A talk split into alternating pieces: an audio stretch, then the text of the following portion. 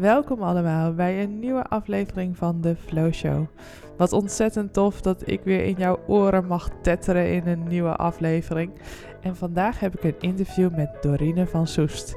Zij is geen hardcore projectmanager, maar wel echt een projectbeest als je het hebt over ICT-implementaties, over uh, samenwerken met klanten en wat daar allemaal bij komt kijken. We hebben het over baalborrels en we hebben het ook over communicatiestijlen die zij veel toepast in allerlei gesprekken met haar klanten en überhaupt in haar dagelijks leven. Ik vond het een ontzettend inspirerend interview. Ik hoop dat jullie dat ook vinden. Veel plezier!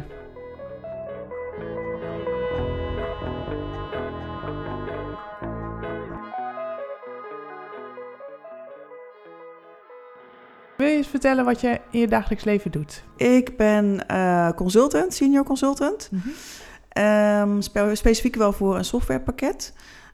Mag ik het ook gewoon noemen? Is ja hoor, wat ja? wel. Ja. ja. AVAS Software is dat. Mm -hmm. Ik heb ook bij AVAS gewerkt, 6,5 jaar. En daar ook gewerkt als consultant. En ik ga naar klanten toe die werken met Profit, met AVAS. Mm -hmm. En die hebben hulp nodig bij de optimalisatie, bij nieuwe functionaliteiten. Of omdat iemand uh, uitgevallen is, een functioneel beheerder of zwangerschapsverlof of wat dan ook. En die klanten die help ik dan om ze optimaal gebruik te kunnen maken van de software. Ja. En dat kan zijn um, dat ze gaan uitbreiden. Dat kan zijn omdat ze um, nou ja, eigenlijk van allerlei redenen. Maakt niet zoveel uit. Ja, maar ze zitten dan in een soort projectvorm. Of, of is het dan ook, hè, want je zegt net functioneel beheer, dus het zijn ook lopende dingen. Die, ja, het zijn ook lopende dingen. Ja. ja. bij de ene klant ben ik heel erg bezig met projecten. Dus heel erg van, uh, oké, ze willen nu bijvoorbeeld het verzuim optimaliseren of declaraties willen ze inrichten of werving en selectie.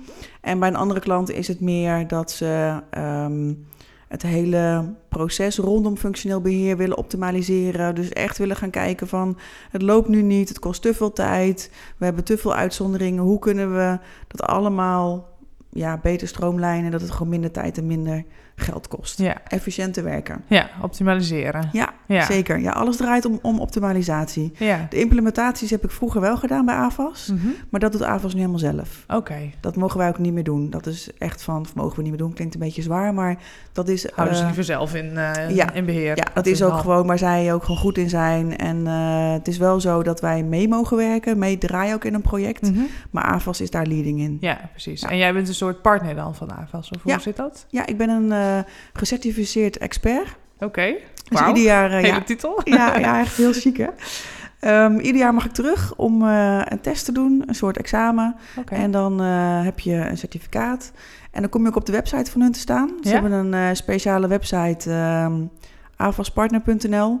En daar staan alle dienstverlenende partners op, maar ook de experts. Oké. Okay. Ja.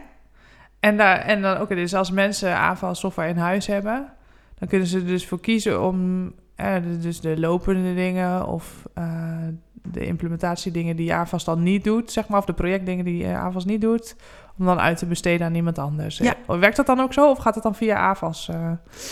Een um, beetje dubbel. Um, het kan namelijk ook via AVAS gaan. Het kan ook zijn dat ze um, naar de website al gaan Kijk, AVAS die doet um, heel goed werk. Die hebben een implementatie.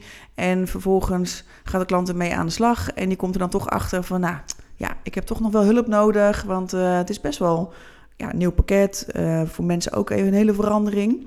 En dan, um, of ze kennen mij al via mijn netwerk, via andere klanten. Ze gaan toch ook een beetje bij collega's vragen ja. van, goh, wie heb jij dan? Ja. En um, zo komen ze of bij mij terecht of bij een, een, een collega van mij, een uh, collega-ondernemer.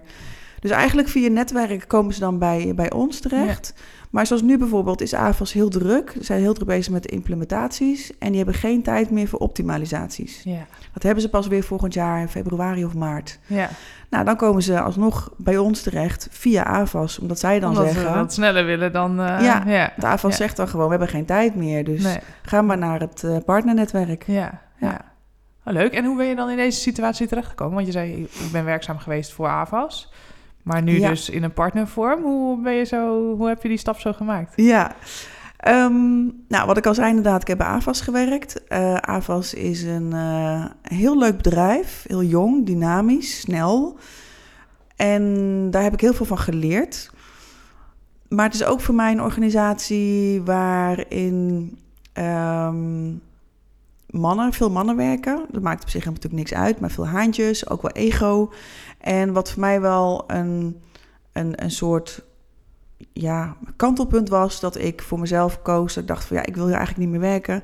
Was dat voor mij de werk-privé-balans was wat meer uh, was, was uit balans. Ja. Dus als je um, op een gegeven moment word je wat ouder en dan wil je toch wat meer ook uh, thuis doen en je wil wat meer quality time. Of eventueel je hebt een gezin.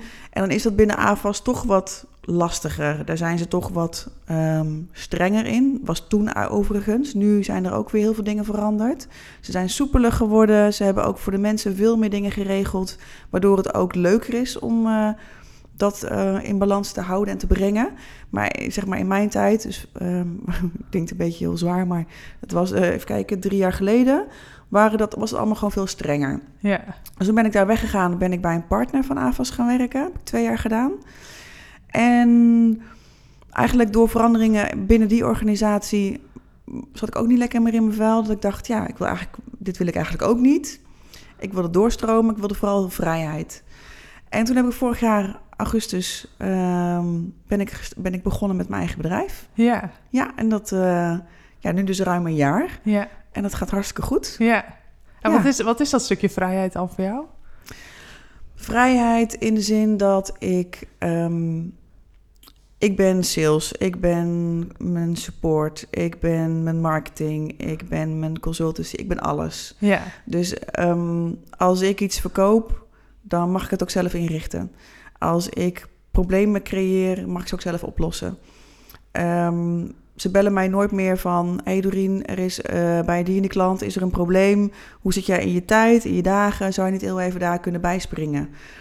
Ik heb gewoon mijn eigen shit of ik heb mijn eigen successen. Ik ben niet meer afhankelijk van een ander. En dat is heel fijn. Ja. Voor voor mij is dat de ultieme vrijheid. Ja.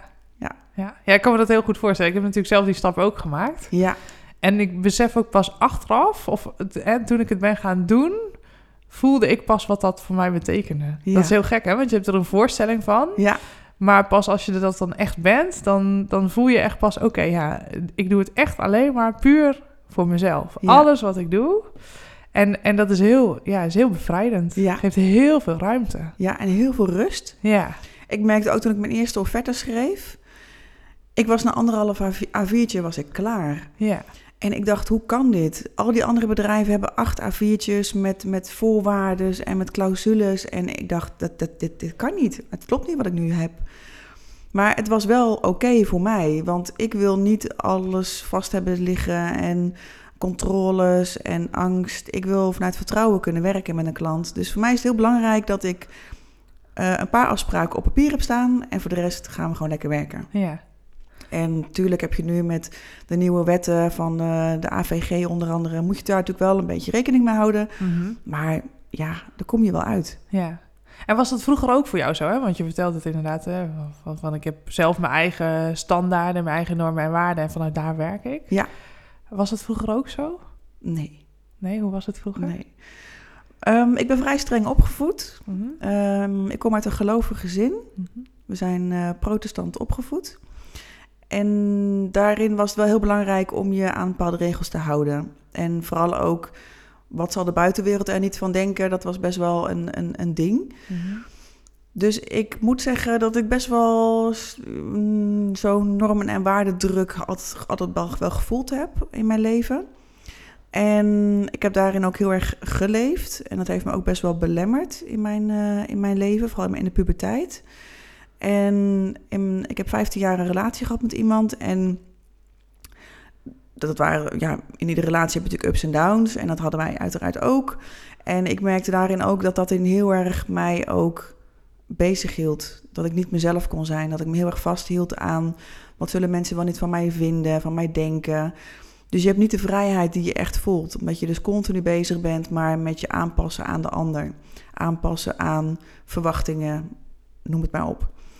En toen ik daarvan loskwam, dan merk je pas dat je denkt: wow, wat heb ik mezelf klein gehouden? Of wat heb, waar maak je je druk om? Je maakt je om zoveel dingen druk, wat helemaal niet hoeft. En heel vaak gewoon alleen maar in je hoofd. Want de ander weet het niet eens. Die voelt het niet. Die is er helemaal niet mee bezig. En jij bent maar daarmee bezig en aan het doen. Ja, bizar. Ja, bizar. Echt bizar. Ja, ja. ja. En hoe, hoe is die omslag dan gekomen? Of hoe is die ontwikkeling dan geweest? Ehm, die is gekomen doordat ik, ehm, toen ik bij AFAS werkte, hadden wij een, ehm, hebben ze volgens mij nog steeds, een opleidingsbudget van 1000 euro. Dus ik mocht daar wat mee gaan doen en ik had geen idee wat. Ik had net mijn relatie beëindigd, of we hadden net onze relatie beëindigd. En ik dacht, ja, ik wil wel aan mezelf werken. Ik bedoel, ja, slechter dan dit kan het eigenlijk niet. Ik bedoel, ik ben alleen en uh, ik uh, ben vrijgezel. Ik, uh, de wereld ligt voor me open, dus kom maar op. En via via ben ik toen een training gaan volgen, persoonlijke effectiviteitstraining. Maar dat wilde ik niet doen in allerlei weken en dan een avondje hier, een avondje daar. Ik wilde gewoon één weekend, hup. Het was dan een klooster waar ik in ging. Ook nog wel een mooie, um, een, een mooi beeld. Mooie setting. Ja, een mooie ja. setting, dat je ja. daar dan binnenkomt.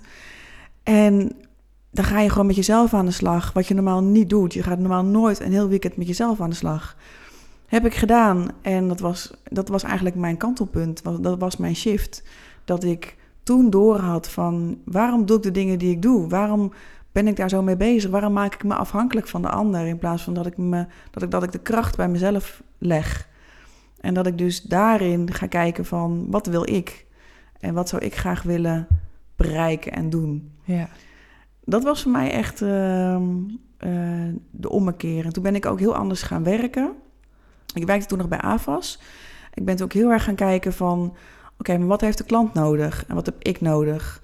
En wat kan ik de klant bieden? De klant vraagt dit, maar wat wil de klant nu eigenlijk? Want dat is ook, ook heel interessant. Want de klant vraagt vaak dingen, maar die heeft soms andere dingen nodig. Ja.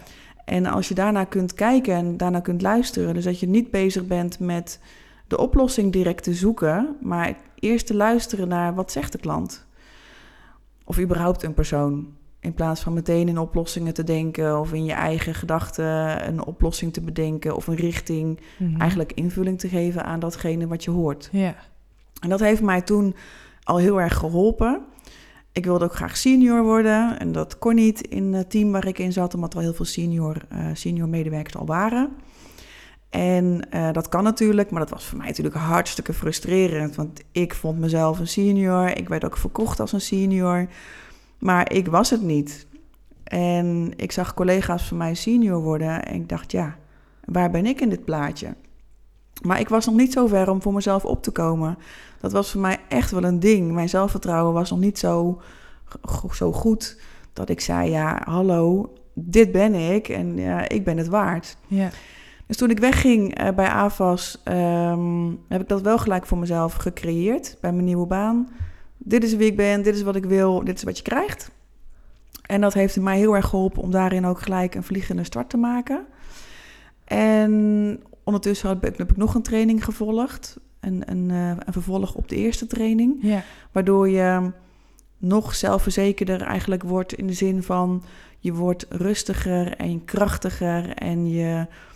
Um, je bent minder snel van je pad af te Mhm. krijgen, even zo, uh, zo gezegd. Ja. En dat heb ik ook in mijn werk doorgevoerd. Um, door echt te gaan kijken van, oké, okay, wat heb ik de klant te bieden? En omdat je consultant bent en je hebt een, een uurtarief op je voorhoofd staan. Ik was heel erg bezig met, oh, dat moet ik waarmaken. Ja, dat moet ik waard zijn. Ja, ja en ik ben echt duur. Jeetje. En uh, oh, het land moet echt zoveel voor mij betalen. Ongelooflijk. en op een gegeven moment dacht ik, ja, maar ik weet zoveel. Ik weet sowieso meer dan de klant. Ja. Dat is één. Ja. En als ik iets niet weet, kan ik het ook gewoon zeggen. Ja, dan ga je het uitzoeken. Ja. Ik kom erop terug, precies. En dan kom je erop terug en dan is het land helemaal blij. Ja. En dan, maar dat, dat, dat had ik niet. Ik, ik had echt zoiets, ik moet het weten, want ik word ingehuurd, dus ik moet alle kennis ja. hebben. Dat was de stressreactie eigenlijk van... Ja. Ja, ja. ja zeker. Zeker. En als er dan een keer iets misging en ik werd gebeld door de klant, ik heb een foutje gemaakt, nou, dan, dan was ik helemaal van de leg. Ja. Ik ging de projectleider bellen, ik ging s'avonds alle registers opentrekken om het maar op te lossen. Ja. Terwijl ik, omdat ik het heel persoonlijk opvatte. Ja. Maar het ging niet over wie ik ben, maar het ging over iets wat ik deed of wat er gebeurd was. ja, überhaupt in het geheel gebeurd was. Ja. Ja. ja. En soms kun je er helemaal niks aan doen. En soms wel, maar dan kun je ook sorry zeggen of je kunt het oplossen. En dan is het ook gewoon weer ge- gewoon geregeld. ja. Maar dat was voor mij echt een ding. ja. En dat kostte zoveel energie en strijd. En die strijd die is nu weg. Ja. Ja, en je bent nu ook samen met Rob, hè? Ja, Dat, dat, Ja. dat weet ik van je. Die zit ook heel erg in die coachinghoek. Ja. En heeft daar heel veel in gedaan. Bulten met ervaring. Ik Ja. denk dat je daar ontzettend veel van geleerd hebt. Dus ik ken jullie natuurlijk een beetje. Ja, Dus, eh, ja klopt. Ja. En hoe ehm, voer je dat nu dan ook eh, nog door in je werk dan? Hè? Want je zegt nu wat, wat het effect was, zeg maar. Ja. Maar zijn er nu ook situaties waar, waar je er dan heel bewust mee bezig bent... van dat je zelf eh, coaching toepast? Ja, zeker. Ehm, als ik bij een nieuwe klant kom, dan kijk ik altijd naar eh, wat voor een communicatiestijl iemand heeft. Ja. Wacht even, wacht even. Communicatiestijl. Want wij, jij, jij en ik weten wat het is. Maar kun je Ja. even kort vertellen wat het, eh, Ja, wat het zeker. inhoudt? Ja, communicatiestijlen. ehm, de meeste mensen kennen wel de kleuren. Hè? Dus de blauw, groen, rood eh, en geel, geloof ik. Geel, geel en oranje. Ja, of tenminste, Ja. ligt een beetje aan welke kleur eh, je Precies. neemt. maar ik weet ja. het niet helemaal zo goed, maar ehm, ik heb vooral eh, geleerd de communicatiestijlen. Iedereen heeft een bepaalde basisstijl. Mhm. En dat zijn stijlen die je laat zien. Dat zijn karaktereigenschappen eigenlijk. Karaktereigenschappen ehm, in de zin van hoe je praat, hoe je je jezelf kleedt, welke kleuren je aan hebt. Ehm, het gaat zelfs zover dat welke auto je rijdt en welke bank je hebt, dat soort zaken. Ja. Ehm, maar het gaat ook vooral van welke woorden gebruik je en hoe uit jij jezelf. Het Ja. gaat echt om het uiten. En de, de manier van uiten, dat kun je in vier categorieën eigenlijk ehm, neerleggen. Dus dan kun je zeggen van, goh, jij laat, gewoon zo'n uitingsvorm laat jij zien. En vaak heb je ook een substijl. Ehm maar eigenlijk altijd, sorry, je hebt altijd een, altijd een substijl. Ja. Ehm, en die substijlen met de hoofdstijl zorgt ervoor dat je, ehm, dat, dat, dat je dat kunt lezen. Dus dat je eigenlijk kunt zien van oké, wat voor stijl laat iemand zien? Dus wat, wat voor uitingsvorm. Mhm. En dan kun je je dan op, ja, niet zozeer aanpassen, maar op inpassen. Omdat je ehm, bijvoorbeeld een Louis van Gaal, dat is echt een regisserend iemand, die laat heel erg zien van praat concreet met mij over planning en uh, verdoe mijn tijd niet. Dus ehm, ga niet bla bla doen, maar wees gewoon even To wat the gaan we doen? To the point. En dus heb je bijvoorbeeld ook een Jochem Meijer. En Jochem Meijer is echt een motivator. Dus die vinden het heel fijn om tof en gek en leuk dat soort woorden te gebruiken. Ja, ja, ja. Nou, als je dat soort mensen ehm, voor je hebt, dus als je kunt zien al in een gesprek van hé, hey, wat voor een communicatiestijl laat iemand zien, dan kan ik mijn communicatie daarop inpassen. Dus dan zoek ik de connectie op door mijn communicatie aan te passen, in te passen aan de stijl van de ander. Ja, je tunt echt in op die ander. Ja. En je kijkt van wat, is, wat heeft hij voor behoefte in communicatie. Ja. eh, zodat je daar op, op het juiste level, zeg maar, het gesprek voert. Ja. Ja, juiste level is misschien niet helemaal het goede woord, maar juiste, Nou juiste toon en eh, Ja. ja, ja. Dus hoe zorg ik ervoor dat ehm, de klant eh, mijn boodschap, dus mijn verhaal, accepteert, adopteert? Eh, en dat kan alleen maar als ik, de, ja, als ik dezelfde taal spreek. ja. Dus als ik, dus als ik dezelfde taal spreek met de klant, dan wordt de klant veel sneller begrepen, voelt zich ook begrepen. En daardoor hebben we veel sneller connectie en kunnen we ook veel sneller van start. Kun je een voorbeeldje noemen uit een van je projecten? Ehm, ja, even denken. Ehm, Dat je zegt van, nou, mijn opdrachtgever... eh, nou, ik heb wel eens een keer gehad, ehm, niet zozeer een, een, een, een echt een goed voorbeeld, maar wel een praktijkvoorbeeld. Je komt wel eens thuis van een dag werken bij iemand of een klant en dan ben je kapot. Je bent helemaal moe en je hebt echt lekker gewerkt, maar het was vermoeiend. ja. En dan hoor je achteraf, ik dan van de projectleider toen ik bij AFAS werkte, klant niet tevreden. Niet het, eh, het, het doel gewoon helemaal niet bereikt en gewoon, nee, het was, het was het gewoon niet. En voor jouw gevoel heb je gewoon echt alles gegeven. Je hebt gedaan wat je kon en de klant is niet tevreden. Hoe kan dat? Frustrerend, ja. Frustrerend alom, Ja. ja. Nou, en dan merk je dus dat je niet de juiste taal hebt gesproken met elkaar. Dus ik heb gesproken in mijn taal. Ik was heel duidelijk, dacht ik. Maar ik sprak mijn taal. En voor de klant was het helemaal niet duidelijk. Dus ik was hints aan het spelen eigenlijk. En de klant dacht, ja, ik heb geen idee wat ze allemaal gedaan heeft. En eh, ja, ik heb dan wel een terugkoppeling gekregen. Maar ja, was helemaal niet wat ik eigenlijk wilde. Nee. En dat, dat, dat is ehm, wat ik heel erg geleerd heb om vooral te kijken naar hoe kan ik de klant meenemen in mijn verhaal, meenemen in mijn werk. Ja. Zodat de klant, al heb je drie keer niks gedaan, maar als de klant tevreden is, is de klant tevreden. Dat is het belangrijkste. Ja. En dat is wel eigenlijk een praktijkvoorbeeld van, dat kun je alle tijd, alle dagen, altijd gewoon toepassen. Ja, ja en ik, ik- en je kunt het ook op iedereen toepassen. Hè? Het is Ja. niet alleen per se de projectleider of de opdrachtgever, maar het zijn gewoon ook je naaste collega's waar je ja, dingen mee moet afstemmen.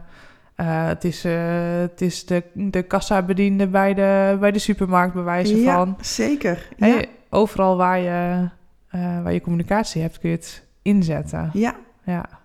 Ik vind het heel mooi hè, om die communicatiestijlen toe te passen, omdat het, het is heel subtiel. Hè? Je, hoeft, je, hoeft, je, je, je brengt alleen je eigen stijl mee. En, en je hebt een doel te bereiken, zeg maar. En je kunt het overal inzetten. ja, klopt. En je, je moet er wel een beetje handigheid in krijgen, merkte vooral in het begin. ja, ja. En eh, op een gegeven moment gaat het wel meer ongemerkt. Dat, Ja. eh, dan, eh, dan het denk is echt ik, oh, oefenen. ja, Het is echt ja. oefenen. Ja, ja. Maar het is wel inderdaad, als ik dan hè, kijk voor de mensen die hier de, de podcast luisteren, dat zijn over het algemeen heel veel projectmanagers of aanstormend projectmanagers die dus nu in projecten zitten en al die taken gaan doen. Ja, dat zijn dat is echt wel een van de gouden tips, denk ik, die ik kan geven. Zet in op ehm, communicatie. Er zijn natuurlijk nog meer eh communicatiedingen die je kunt leren over feedback geven, over onderhandelen. eh, Ja. er zijn nog wel meer gave trainingen die ik ook zelf wel heb gedaan.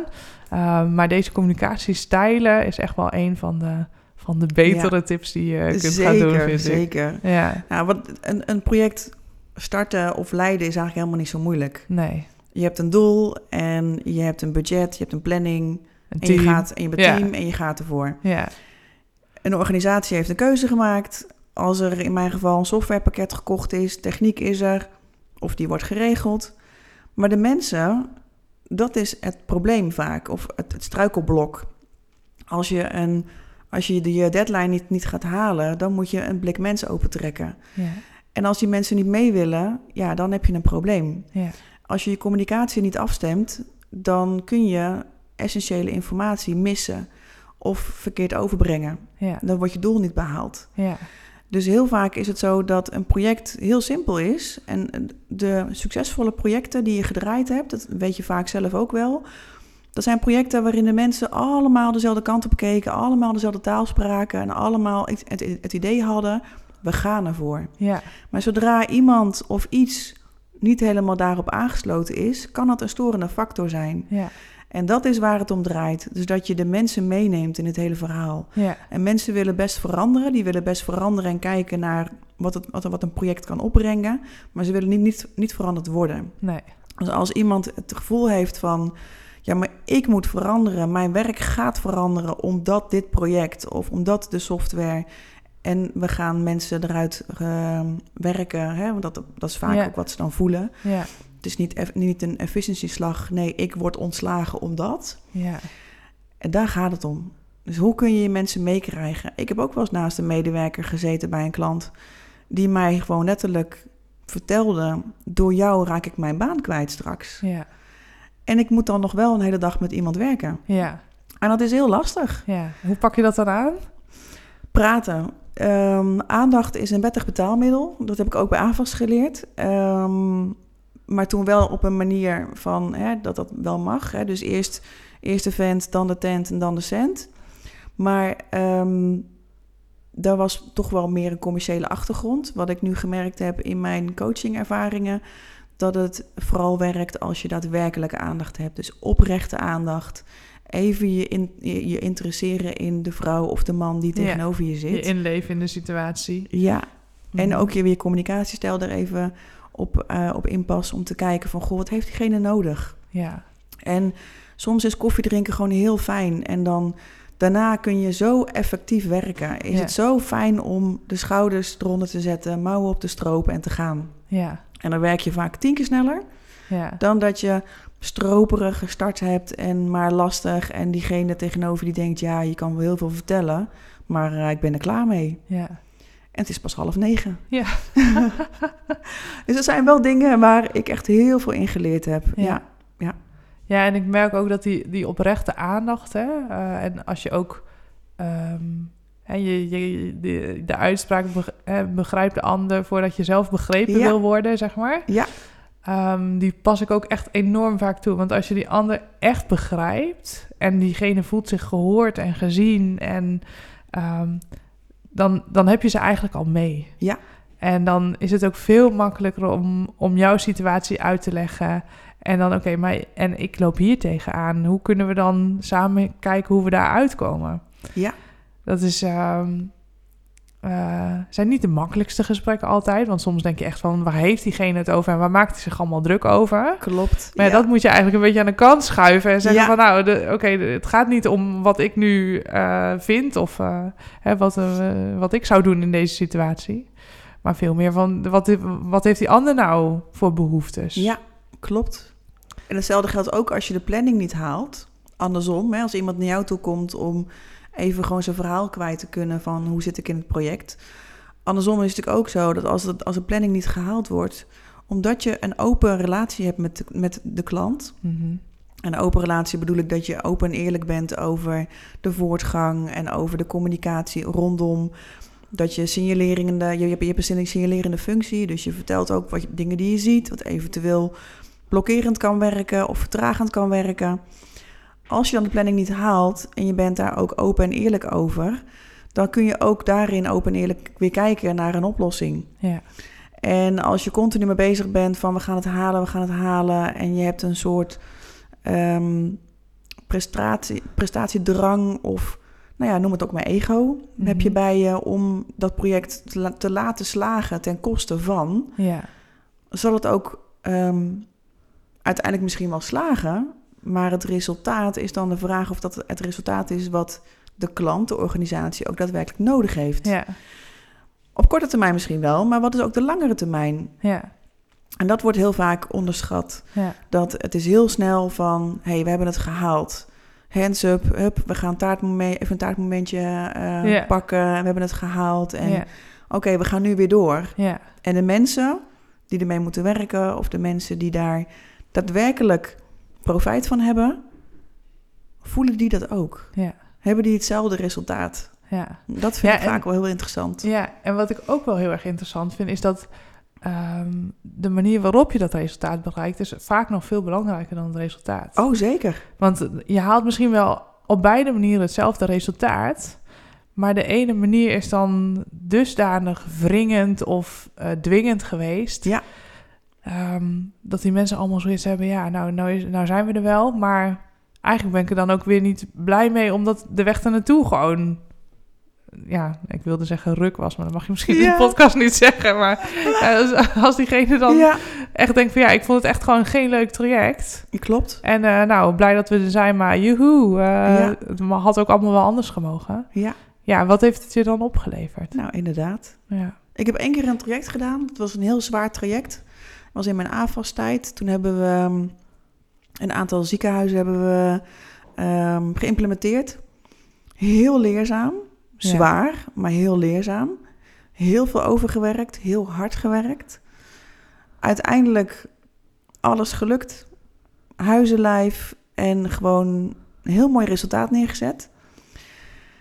En dan krijg je een half jaar na dato nog een etentje, een soort bedankje. Ja, En dat is dan net even mosterd naar de maaltijd. Zo van, ja, dan, zo'n traject ga je dan niet snel meer weer aan. Omdat Nee. je dan echt het gevoel hebt van, je wordt wel gewaardeerd, maar op je, voor jouw gevoel dan gewoon te laat. ja, ja, En dat is inderdaad wat je zegt van, eh, het is heel leuk als je dan een resultaat hebt neergezet, maar de weg er naartoe is dan in mijn geval heel zwaar geweest en heel heftig. ja.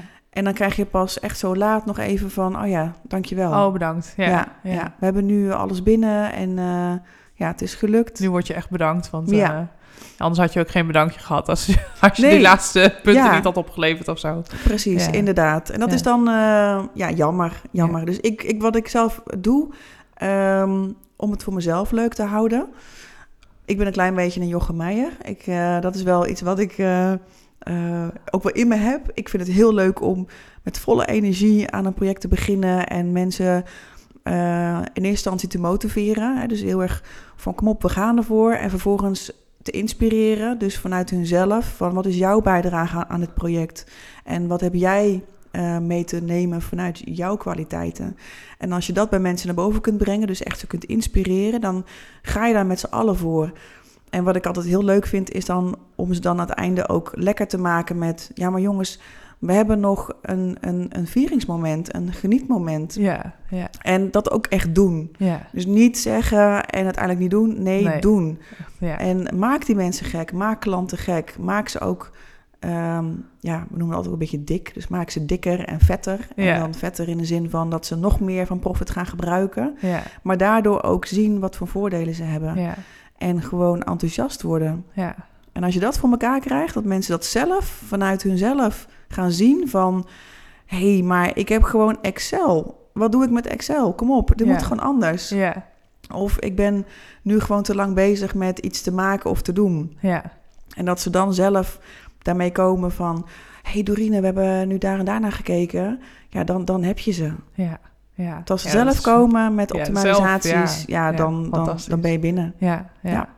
Ik doe het omgekeerde doe ik ook nog wel eens. Dat ik tussendoor een baalborrel organiseer. Oh ja, oh, Want- dat is ook gaaf. Ja, er wordt eigenlijk, daar wordt dan weer best wel snel overheen gestapt. Ja, En ehm, ik zit toevallig nu op een moment in mijn, in mijn project dat ik werk agile in, dit, in mijn project op het moment.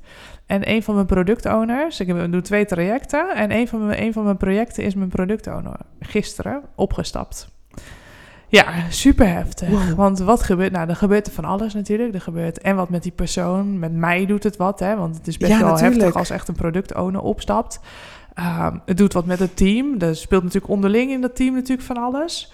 Uh, maar ook richting de organisatie. Hè? Want in één keer ja, gebeurt er echt wat heftigs in dat project. ja, En, um, en ik denk er dus nu dus over na, over, om over een week of twee, als het weer een beetje gedaald is, maar uh, we ook kunnen overzien wat de consequenties daarvan zijn, om een baalbordel te organiseren.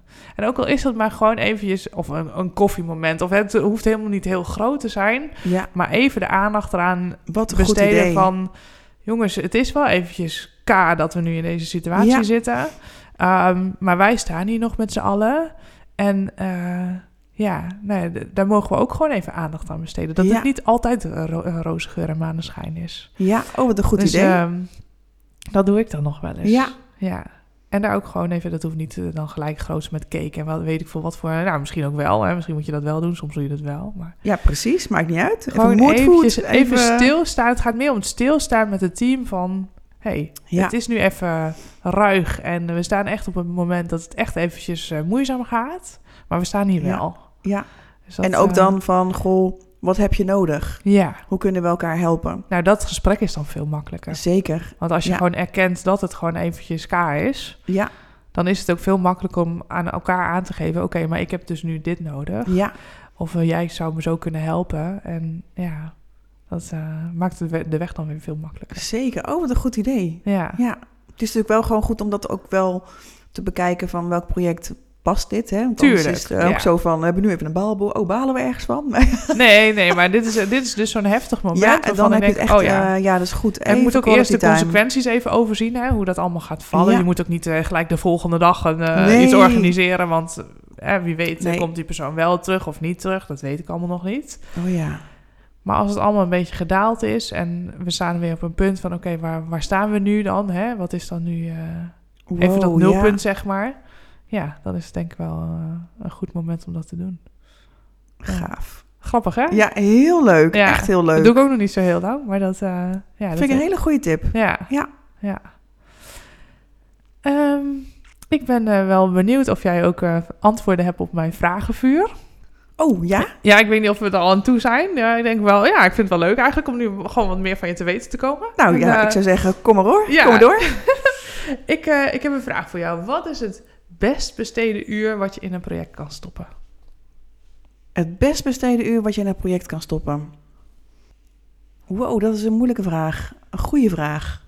Ik denk toch iets met quality time. Gewoon even de koffie. Ja. ehm, gewoon het, het momentje van de dag starten. Ja. En ehm, wat ik vooral fijn vind, is dat ik een klein beetje ook de mensen leer kennen van het project. Ja. En ik hoef natuurlijk echt niet alles te weten, maar wel gewoon van, goh, heb je goed weekend gehad? Of ehm, vorige keer is iemand bijvoorbeeld weggelopen uit een project omdat eh, er iets was met iemand of juist een, een, een feestje.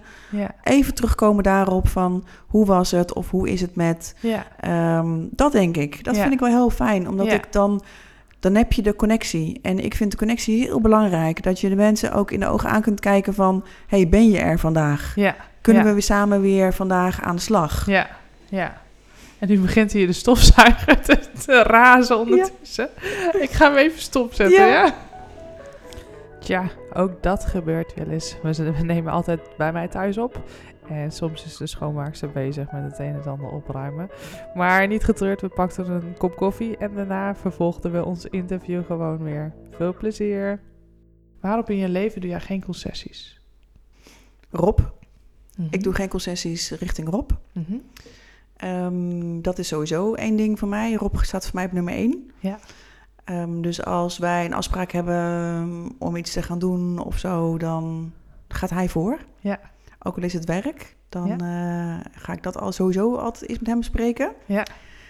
En qua werk, waar ik geen concessies in doe, is kwaliteit. Ja. En kwaliteit kan zijn gebruikersgemak. Mhm. Dus dat vind ik wel een, een lastige hoor. Maar kwaliteit vind ik heel erg van... De software is natuurlijk leidend. We hebben daar hele mooie standaarden in. En daar kan de klant heel veel gebruik van maken. Ja. Maar ik vind kwaliteit van het eindproduct heel belangrijk. Dus het kan soms ook zijn dat je dan de software toch iets aan moet passen Mhm. op de klant. Ja. En, soms moet de klant zich aanpassen aan de software. Ja, ja, ja, ja. Maar ik vind de kwaliteit heel belangrijk. Het moet bruikbaar blijven. Ja, Dus we moeten niet iets gaan opleveren omdat het zo hoort. En Nee. dat is dan de standaard en dat gaan we doen. en daar heb je maar... Het proces is zo, dus dan ga je je daar maar naar Precies. conformeren. Nee, dat Nee. vind ik. Dat, ik, ik ben ook ik ben altijd heel eerlijk richting klanten. Ja, Als ze kiezen voor A, dan zijn de consequenties, nou ja, tak, tak, tak, tak. En als ze kiezen voor B, dan zijn er ook weer andere consequenties. En ik geef ook altijd heel duidelijk aan van, dit zijn de keuzes. En kies maar. ja. En mij maakt het niet uit wat je kiest, Nee, maar weet gewoon wat dan de mogelijkheden zijn. ja. Maar gebruikersgemak, kwaliteit en efficiëntie vind ik hele belangrijke Ja. pijlers daarin. Ja. Heb je dat dan ook eh, in je privéleven? Oh, dat zou wel heel gaaf zijn, hè? Weet ik niet, maar ik, ik zie heel vaak de parallellen. Hè? Dat iets wat je in je werk heel belangrijk vindt, dat je dat in je privéleven ook belangrijk vindt. Ja, dat, dat, dat is wel zo. Wat ik doe, doe ik wel goed. Dat, dat is wel zo. Dus de kwaliteit, ja, dat heb ik wat wel hoog. Maar ik ben privé ook echt lui. Dus hoe, hoe ik heel actief en, en gemotiveerd en geïnspireerd en passievol met mijn werk bezig kan zijn, kan ik ook echt een dag gewoon in mijn huispak op de bank liggen en niks doen en thee en film kijken. En gewoon denken, jongens, morgen weer een dag. En is dat dan juist de balans? Hè? Dat je in je hij zegt van nou, mijn, wer- mijn werk wil ik daar dat doen en, en dus heb ik op andere momenten wat anders nodig. Ja, dat denk ik. Ja. Ja. ja. Ik vind het ook gewoon heel lekker om even bij mezelf te zijn. En omdat je ook consultancy, werk, werken met mensen, dat is ook wel, ik wil niet zeggen topsport, een beetje overdreven, maar het is wel sporten. Je bent wel continu bezig om ehm, kwaliteit te leveren. En ik heb niet bijvoorbeeld dat ik en tegen een klant kan zeggen, joh, morgen ben ik er ook, dus doe vandaag even rustig aan. Nee, iedere dag is voor mij een andere klant. Dus iedere dag is voor mij presteren. Ja. Iedere dag is laten zien van de klant heeft dit nodig. Oké, wat heb ik jou te bieden? Hoe kan ik me daar, ehm, kan ik jou dat leveren? Ja. ja, het is niet, eh tenminste wat ik ook nog wel veel mensen zie doen, is gewoon een takenlijst eh, afwerken. Hè, die vast bij een klant zitten bijvoorbeeld, Ja. hè, die gewoon in dienst zijn.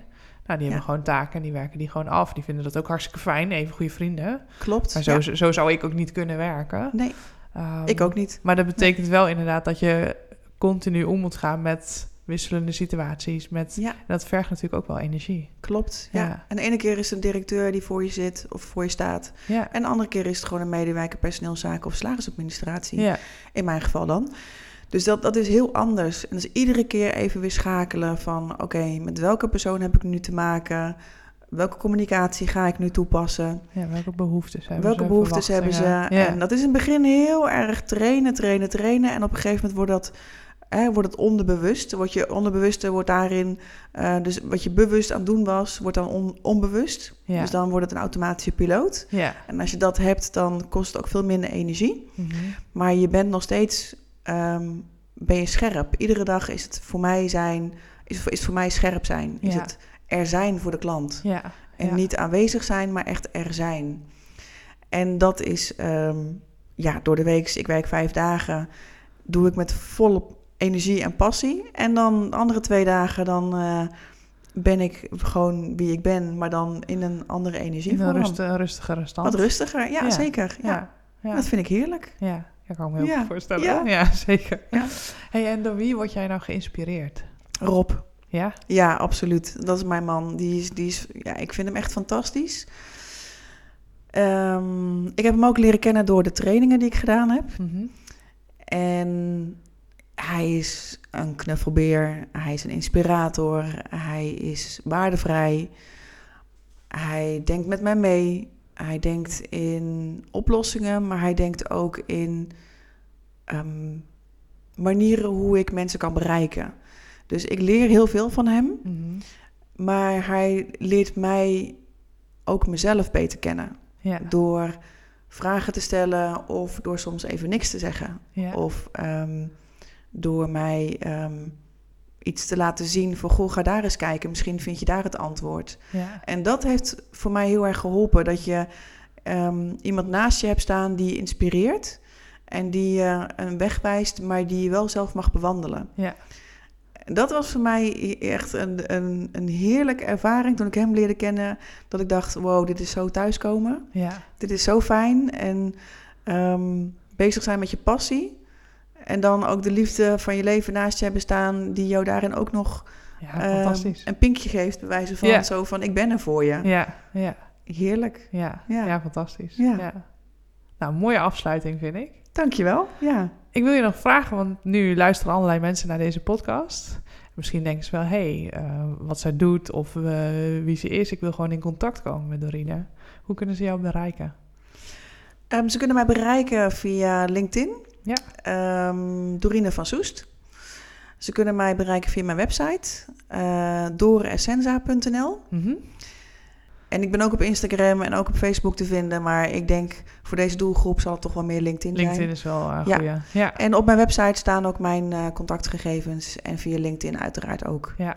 Ja, dus voel je vrij om eh, met mij in eh, contact te komen. Heel leuk, leuk. leuk. Ja, nou, ik drink graag een kopje eh, koffie met die eh, met ja, diegene. zeker. Ja, Hartstikke leuk. leuk. Ik vond het in ieder geval heel gezellig. Ik ook, dankjewel. voor het interview. Ja, jij ook bedankt. En we komen elkaar vast nog wel snel weer Zeker, tegen. zeker weten. Ja, dat was hem alweer, de aflevering en het interview met Dorine. Vond jij het nu ook zo'n inspirerend interview en denk je, hey, ik ga meer met communicatiestijlen doen en dit interview heeft me daar enorm bij geholpen? Schroom dan niet en laat een review achter op iTunes en een paar mooie sterren. Daar zou ik heel blij mee zijn. Eh, mocht je andere opmerkingen hebben, schroom dan ook vooral niet om dat mij te laten weten via de e-mail info at Ik hoop dat je ervan genoten hebt en dat je er de volgende aflevering weer bij bent. En tot die tijd, vergeet niet dat flow in je projecten voortkomt uit actie. Ciao!